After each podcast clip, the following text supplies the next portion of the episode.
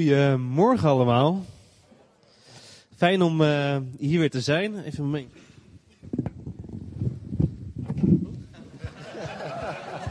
Die ging niet verder. Ja. Oké. Okay. Dat heb je met die lange mensen. Ja. nou, dan gaan we het gewoon zo doen. Goedemorgen allemaal. Fijn om uh, hier weer te zijn. En uh, het was uh, mooi om zo in de voorbereiding ook uh, te zien wat voor accenten was. Hè. Nieuwe waarden, ook als gemeente. Een gemeente waar je verbondenheid met elkaar wil hebben. En uh, ook net het moment even van elkaar zegenen. Um, en ik denk dat ik een boodschap heb wat daar mooi op aansluit. Um, ik heb de titel gegeven We Are Family. We zijn een familie van elkaar. Amen. En um, ik wil vandaag eens spreken over de gemeente. Want toen God op een gegeven moment na de zondeval de wereld herstelde door de verlossing van Jezus, creëerde hij de gemeente. Dat zijn wij vandaag. Iedere zondag komen er allerlei mensen met elkaar samen wat ze gemeente noemen. En um, de Bijbel spreekt nogal best wel veel in verschillende beelden over de gemeente. En uh, kunt u er eens een paar noemen? Haal van een klein beetje interactie. Roep eens wat. Een lichaam. Ja, absoluut. Paulus uh, die uh, haalt allerlei lichaamsdelen aan. Andere voorbeelden misschien nog. Een bruid. Ja, absoluut. Hè? De bruid van Christus. Geweldig, ja. Een bouwwerk, inderdaad. Ja. Sorry? De opstanding, ja. Ja, we zijn ook inderdaad in Christus opgestaan als gemeente, klopt. Ja. Uh, de Bijbel heeft eigenlijk allerlei verschillende voorbeelden. Hè. Het noemt het ook wel een priesterschap. Uh, een leger wordt ook wel genoemd. Uh, maar ik denk, als we kijken in het Nieuwe Testament, dat het meest prominente beeld wat naar voren wordt geschoven, is het beeld van gezin zijn, van familie zijn met elkaar. Um, gewoon even wat statistiekjes. Ik hou er altijd wel van. Maar in de brieven van Paulus, Paulus heeft veel van de Nieuwtestamentische brieven geschreven, uh, spreekt hij 139 keer over broeders en zusters. Um, daar spreekt hij 63 keer over het woord vader. Uh, hij spreekt 19 keer over erfenis of erfgenaam. Binnen familieverbanden hebben we natuurlijk ook te maken met een erfenis krijgen van je ouders. Um, hij spreekt 17 keer over zonen, 39 keer over kinderen.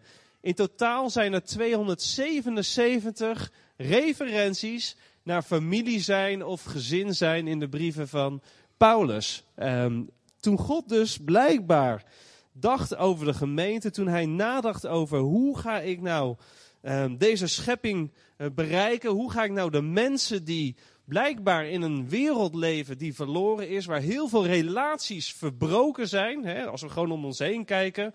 Um, heel veel mensen komen uit gebroken gezinnen of gewoon vanwege ruzie of wat dan ook, oneenigheid, worden relaties verbroken.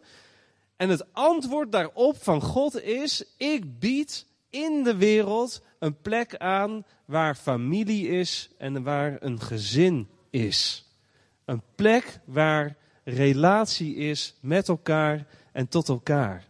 En ik vind dat prachtig. En uh, ik wil een klein stukje met u lezen. Dat is de volgende dia. Um, en daar staat het volgende in Galaten 3, vers 26 en 29. Want u bent alle kinderen van God door het geloof in Christus Jezus.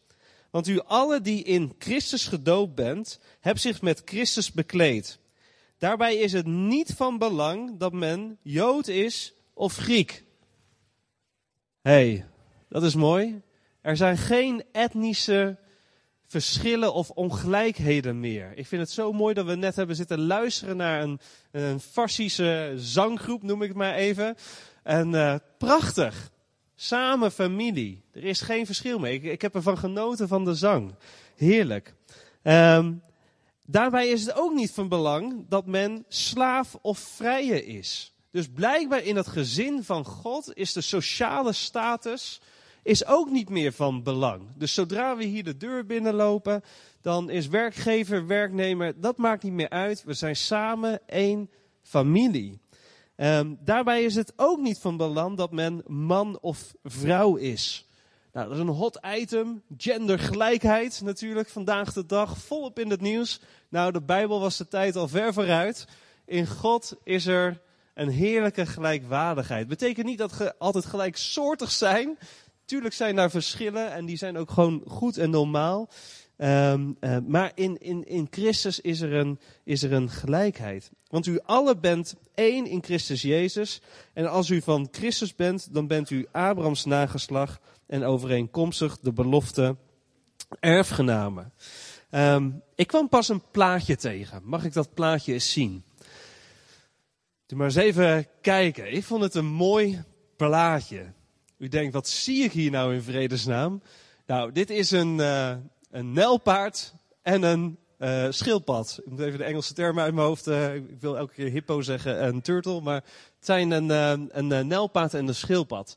De nelpaard heet Owen. En Owen die heeft een hele traumatische ervaring meegemaakt. Tijdens de tsunami van 2004 was dat volgens mij, hebben we een hele grote tsunami gehad. Waar heel veel gebieden verwoest zijn. Verloor Owen, het nelpaadje, zijn familie. Zijn vader en moeder is die kwijtgeraakt. En uh, het was toen nog een jonge nelpaard die behoefte had aan familieverbanden. Um, dus ze zijn op een gegeven moment, uh, hebben ze nagedacht, we moeten Owen ergens gaan onderbrengen op een plek waar het veilig is. Toen hebben ze op een gegeven moment een dierenpark gevonden in Kenia. Dus Owen werd daarheen gevlogen, alleen er was één klein probleempje. er waren geen andere nelpaden. Maar wat gebeurde er?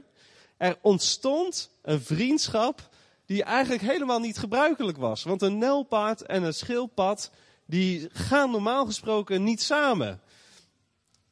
Hè, normaal is het zo dat een nelpaard een nelpaard opzoekt en een schildpad schildpadden opzoekt.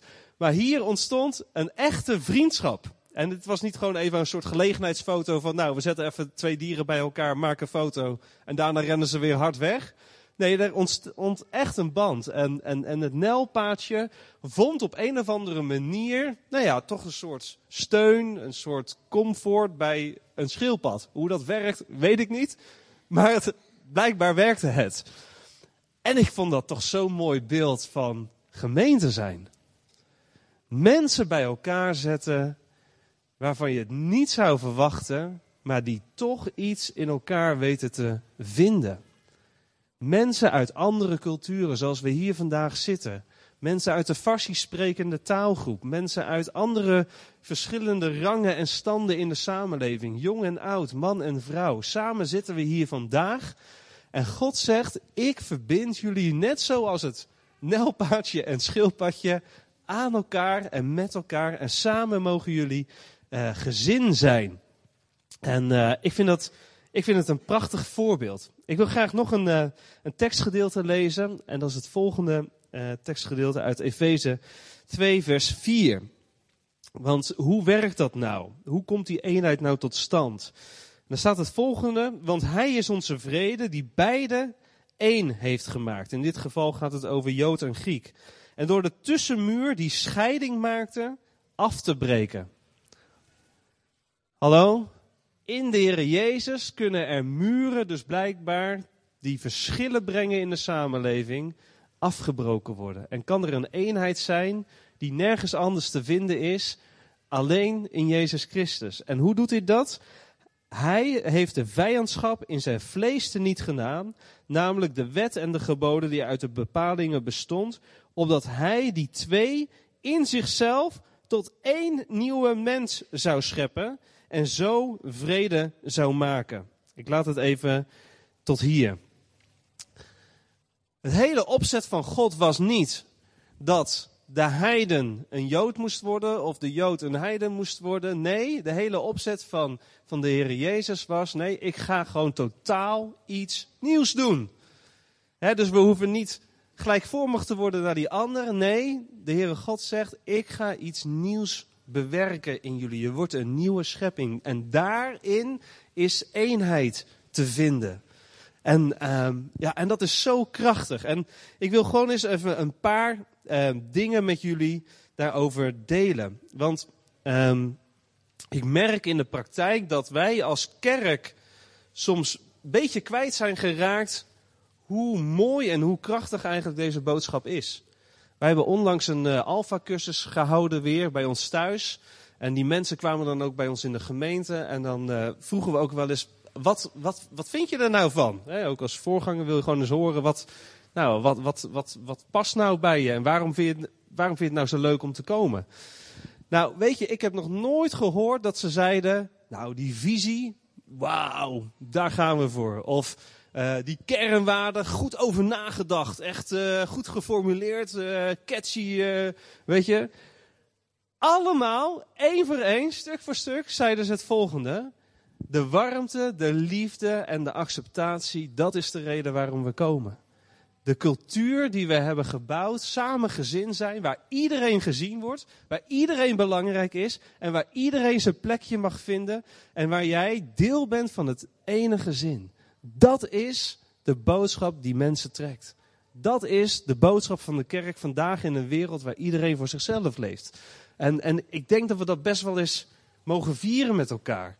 En uh, ik heb een paar dingen eens even opgeschreven over gemeente zijn. Ik kijk gewoon even hoe ver we komen. En dan mag je even doorklikken. Nog eentje doorklikken.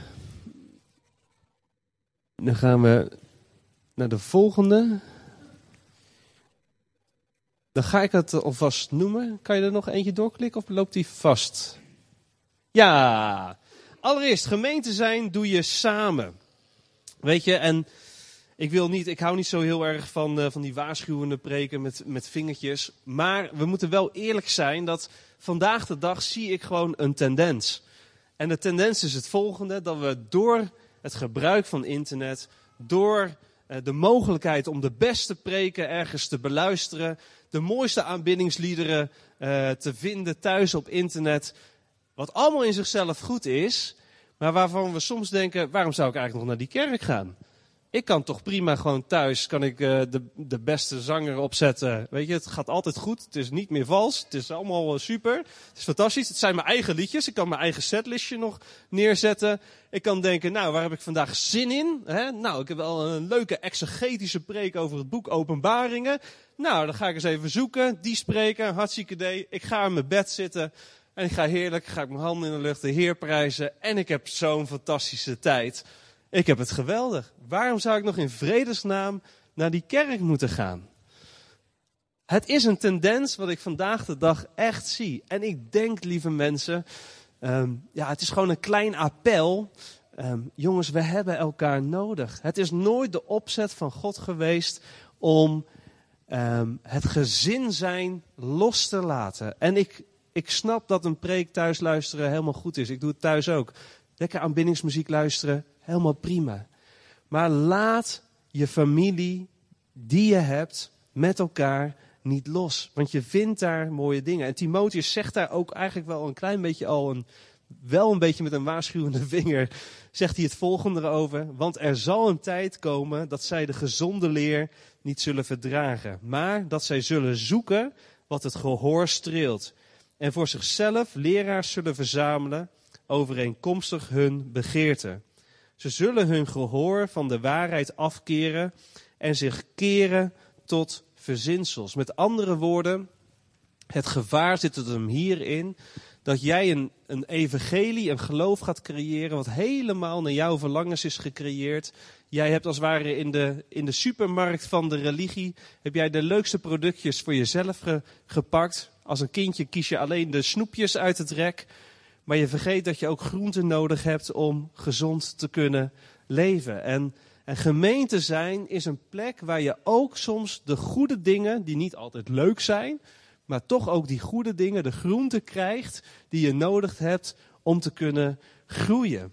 En daarom is het zo belangrijk dat we, dat we het gemeente zijn vasthouden. En, en weet je, ik, ik merk soms mensen die zeggen, ja, maar ik heb voor Jezus gekozen. Mijn commitment is voor Jezus ik zou je toch willen uitleggen dat een commitment voor Jezus ook altijd betekent een commitment naar je broers en naar je zussen. Je kan niet zeggen ik hou van Jezus en daarmee niet ook beweren dat je van je broeders en zusters wil houden. Die twee zijn altijd aan elkaar gekoppeld. Een commitment aan Jezus houdt in, omdat Jezus het vraagt, ook een commitment naar je broers en zussen. En, en, en commitment naar elkaar doet iets. Wat gebeurt er op het moment dat een man zich committeert aan een vrouw en zegt: Ik ga voor jou. Wat er ook gebeurt, ik ga voor jou. Het creëert veiligheid en rust. Wanneer Tjitske voor mij kiest en zegt: Ik ga voor jou, dan geeft dat veiligheid en rust. Wanneer twee ouders tegen elkaar uitspreken: Wij gaan voor elkaar, wat doet dat naar de kinderen? Het creëert rust en het creëert veiligheid. En, en commitment betekent dus: Ik wil gaan voor de belangen van de ander ten koste van soms mijn eigen verlangens.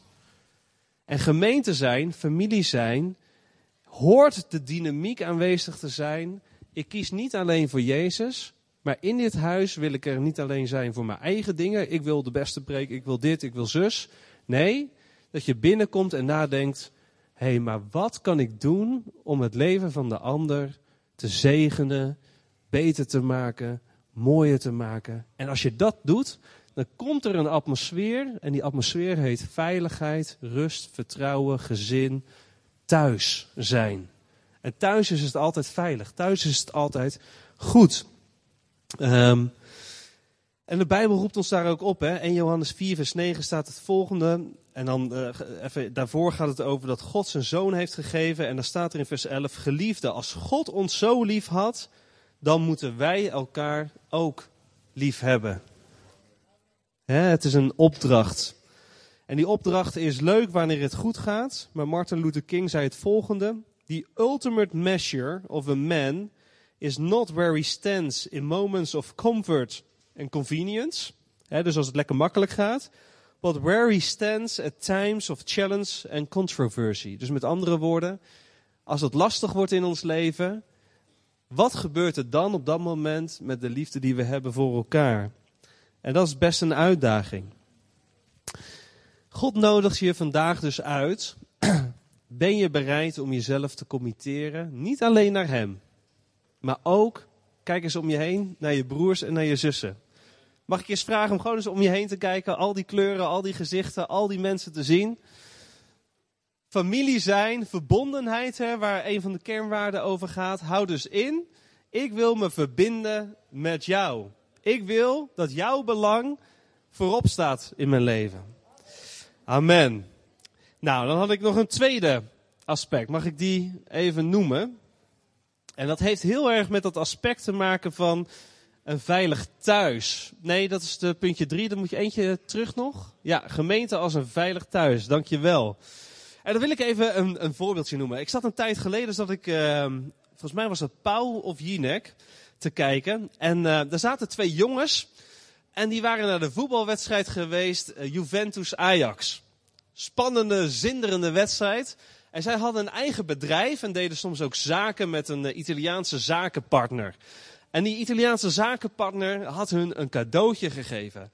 Twee kaartjes voor de wedstrijd Juventus-Ajax. En dat was een spannende wedstrijd zou dat worden. Dus die gasten die waren super enthousiast dat zij kaartjes hadden gekregen om naar de wedstrijd van Juventus Ajax te gaan. En ze waren Ajax supporters, dus ze kwamen met een sjaaltje en een Ajax shirtje, kwamen ze daar naar het stadion. Helemaal zin om hun team aan te supporten. Keken op het kaartje, waar zitten we, waar zitten we? En ze gingen naar het vak toe en realiseerden zich dat ze in het Juventus vak zaten, Peter. En ze zagen daar allemaal van die grote klerenkasten, Juventus supporters. En ze dachten, misschien is het handig om ons sjaaltje even in de binnenzak te stoppen. Even wat anoniemer in het vak te gaan zitten. En de wedstrijd begon. En die wedstrijd die was zinderend. En Ajax scoorde. Het is uiteindelijk 2-1 geworden. Maar elke keer als Ajax scoorde, was er iets van binnen. Ze wilden juichen. Maar ze realiseerden zich met al die boze blikken en al die zagrijnige Juventus supporters die steeds bozer begonnen te kijken, was dat juichje was zo. Hey, hey. hey, ze zijn aan het winnen. Maar ze durfden zichzelf niet te uiten. En soms denk ik, hé hey jongens, dat lijkt de kerk wel. Soms hebben we in de kerk ook zo'n cultuur gecreëerd dat we van binnen soms willen juichen. We zijn blij met de Heer.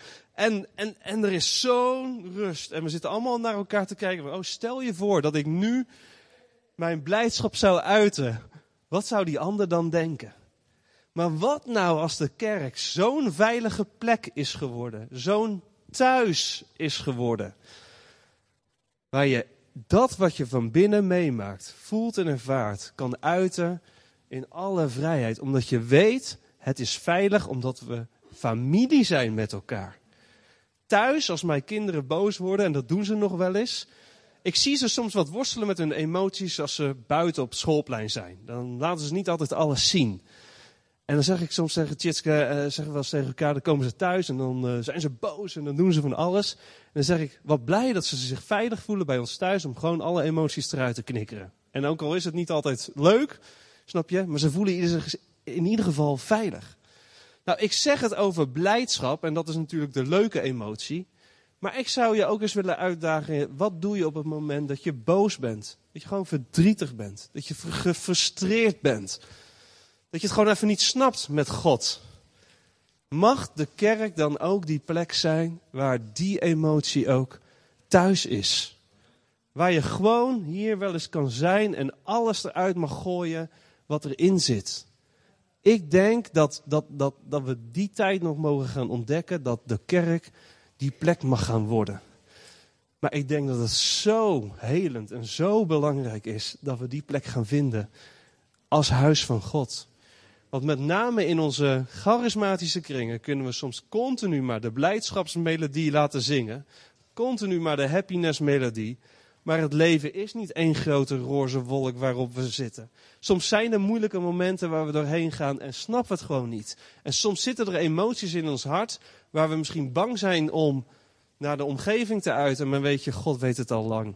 En die vindt het helemaal niet erg als jij die emotie laat zien.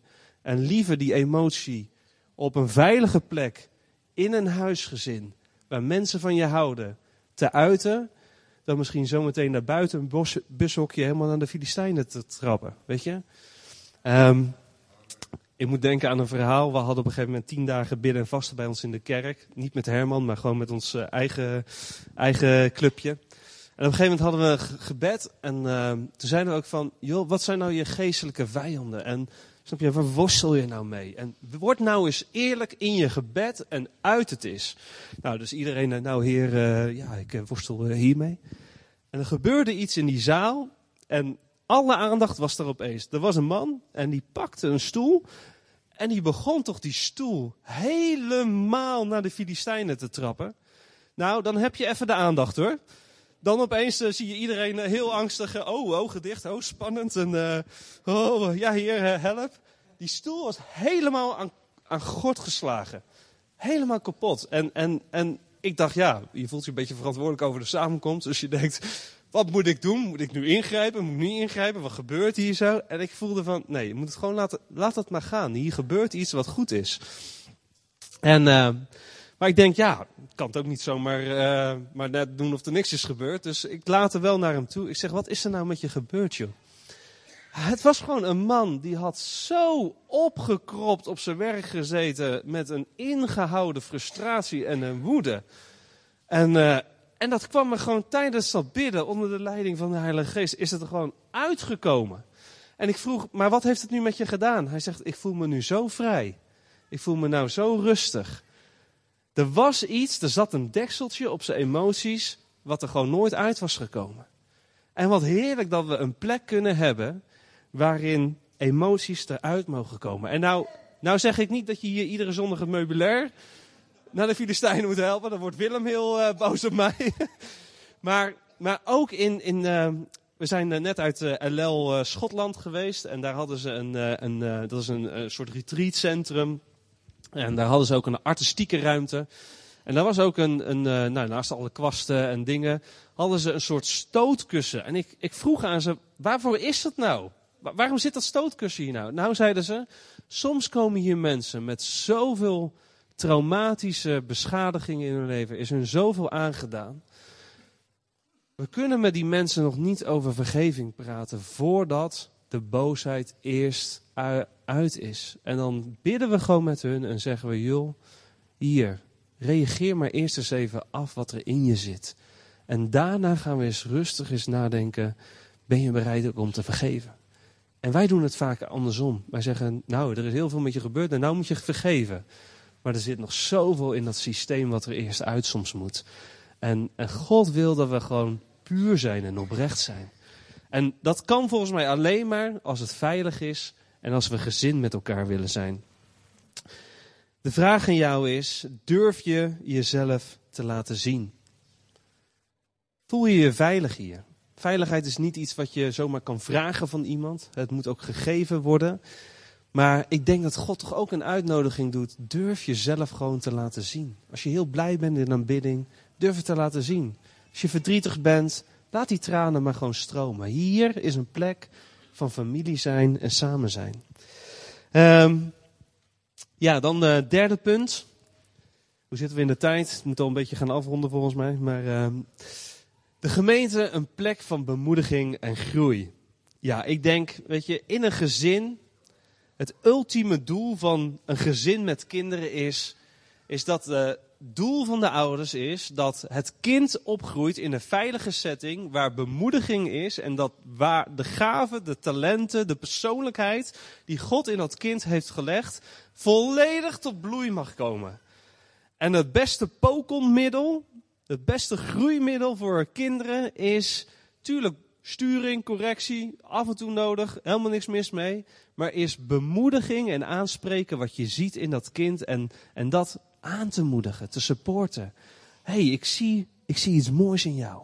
En, en, en dat te benoemen en dat te stimuleren en dat de voeding te geven. En uh, als wij bijvoorbeeld naar, naar, bij Naomi op de voetbal staat, nou, het is geen natuurlijk talent. En toch, tuurlijk, als ouder sta je te juichen, sta je te springen. En weet je, het is, het is fantastisch. Je moedigt haar aan in datgene wat ze aan het doen is. En mag ik wat zeggen? Peter, jij hebt in het buitenland gewoond. Ik heb zelf ook in het buitenland gewoond. Wij Nederlanders zijn niet zo goed in bemoedigen. Oeh, mag ik dat zeggen? Wij hebben een hele groot gevoel dat onze mening is belangrijk om te kunnen ventileren. Ongeacht of die mening nou iets doet aan de andere kant qua pijn of dat het kritiek is, dat vinden we allemaal niet zo heel belangrijk. We vinden het belangrijk dat we onze mening moeten kunnen geven. Als de muziek niet goed is, dan zeggen we de muziek is niet goed. Ik vond het helemaal niks. Maar weet je, zo werkt het niet in een gezin. Want als we dat met elkaar gaan doen, dan gaat er iets kapot in ons van binnen. En wat God wil is, is dat we een gezin worden met elkaar waarin we elkaar aanmoedigen en bemoedigen. Ik heb wel eens bij ons in de kerk dan, ik ben natuurlijk voorganger, dus dan hoor je van alles. En dan, dan was, uh, was, ging er op het podium even iets niet goed. En dan kregen van die mensen, nou ja, het was echt uh, belachelijk. En uh, jongen, wat, het ging helemaal niet goed. En nou, weet je, de muziek stond te hard of te veel Engels of weet ik veel wat.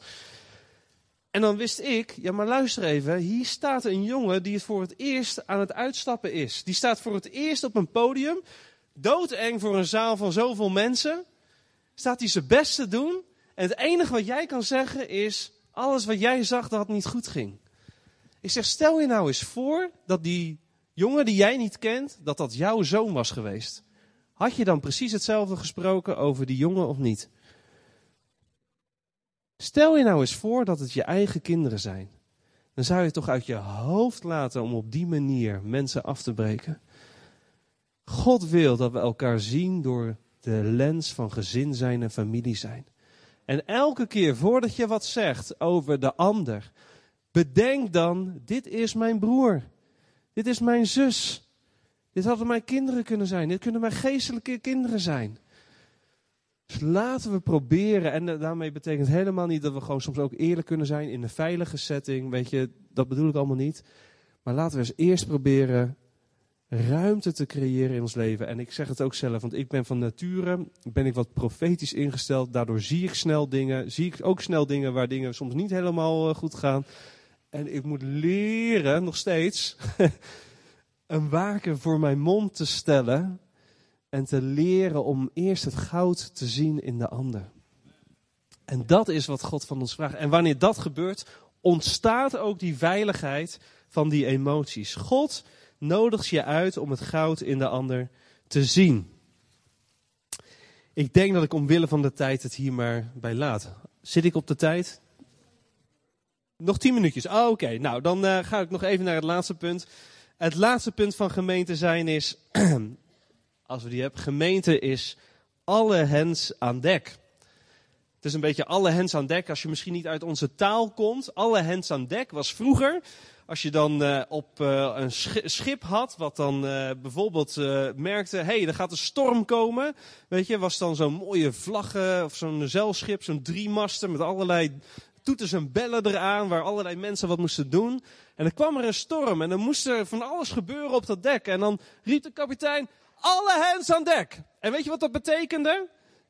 Iedereen die op dat schip zat, moest zich melden, want er ging wat gebeuren en elke inzet op dat schip was belangrijk. Elke persoon was belangrijk om dat schip door die storm heen te laten varen.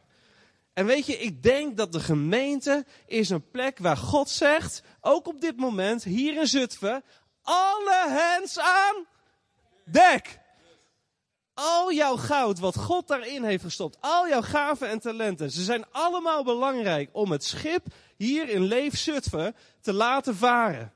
En je kan je niet gaan, tuurlijk als je hier te gast bent en je, je wil de Heer leren kennen, je, alle rust, ik wil niet alles weg. Maar als je hier al een tijdje zit, we hebben je nodig. De kerk, het lichaam, het schip van God, de familie, het gezin van God. We hebben elkaar nodig. Amen. En wat God in jou heeft gelegd. En misschien zeg je, ik weet nog niet wat God in mij heeft gelegd. Nou, dan gaan we je daarbij helpen. Dan gaan we helpen ontdekken wat het goud is. Want God heeft in iedere persoon goud gelegd. Er zit goud in jou, er zit goud in jou, er zit goud in jou. Iedereen heeft goud. Je hebt allemaal iets wat je kan gebruiken om het schip leefzitve te laten varen. Amen. Dus de vraag aan u, bent u bereid om alle hens aan dek te doen? Bent u bereid om na vandaag na te denken, hey, hoe kan ik mijn kleine goudstukje meehelpen om te bouwen aan het schip Leefzutphen? En dat kan wel zijn dat je zegt, nou, ik kan uh, niet zo heel veel, maar wat ik leuk vind is gewoon mensen ontmoeten, handjes geven. Dus je meldt je aan bij het welkomsteam. Misschien zeg je, nou ja, ik uh, vind het gewoon lekker om een beetje schoon te maken. Nou, dat je na de dienst de wc's even schoonmaakt. Ik weet helemaal niet of dat een vacature is. maar um, het komt er hier op neer. Meld jezelf gewoon aan. Zelfs als je niet weet van, ja, wat kan ik nou? Of wij hebben in Alkmaar hadden we een vrouw. Uh, ik zal even geen namen noemen, maar een vrouw die was helemaal schuchter. Ze zat altijd helemaal achteraan, weet je. En dan zei we, joh, kom eens dichterbij. Nee, nee, nee, nee. Helemaal in haar eigen kokonnetje. En langzaam maar zeker kwam ze in die cultuur van, nou ja, bemoedigen. hey, we zien je staan, we geloven dat God wat voor je heeft. En langzaam maar zeker zag je dat kokonnetje steeds meer ja, open gaan. En nu is ze mentor geworden in het Zeven Stappen programma wat we hebben. We hebben een Zeven Stappen programma voor bevrijding. En ze is mentor en ze zit in een voorbedengroep. En ze zegt, ik ben steeds meer gaan leren om op eigen benen te gaan staan. En ze is gewoon een vast onderdeel in de gemeente geworden. En dat komt omdat we familie zijn met elkaar, omdat we goud willen zijn, maar ook omdat ze op een gegeven moment zelf heeft gezegd: Ik ben bereid om te gaan ontdekken wat er in me ligt en dat te gaan geven aan de gemeente. Amen. Heeft God tot u gesproken vandaag? Ja, goed zo. Dan ga ik een zegen bidden. En uh, Willem, als jij daar nog een stuk bediening aan wil koppelen, of ik, oh, jij hebt de leiding van de dienst, Peter, dan uh, laat ik dat even aan jou over. Maar ik wil graag afsluiten in gebed. Lieve Vader, Heer, ik wil u danken, Heer, dat toen u bedacht hoe u de wereld zou bereiken, zond u uw zoon, Heer, de Heer Jezus, en u stierf voor ons. En Heer, door uw sterven, Heer, heeft u de gemeente gestart, Heer, door het uitzetten van de Heilige Geest, Heer. En het allereerste waar u aan dacht was familie, was gezin zijn. Heer, als, als we naar u kijken, dan zien we relatie. We zien een relatie tussen de vader, we zien een relatie richting de Zoon en een relatie met de Heilige Geest, Heer. En daar is harmonie, daar is eenheid, daar is respect, daar is eer. En Heer, zo wilt u ook dat wij als gemeente, Heer, met harmonie, eenheid en, en, en liefde tot elkaar, Heer, elkaar respecteren. Heer, een plek waar het veilig is, Heer. Heer, waar we ons niet anders hoeven voor te doen dan dat we zijn of wat we hebben meegemaakt. Heer, een plek waar we open en eerlijk met onze emoties ons kunnen uiten. Heer, of het nou heel mooi is, Heer, of soms heel lastig. Heer, u bent daar niet bang voor. En Heer, u nodigt ons uit, Heer, om die stap ook te maken. Kom maar, mijn kind, en laat maar zien wat er op je hart ligt.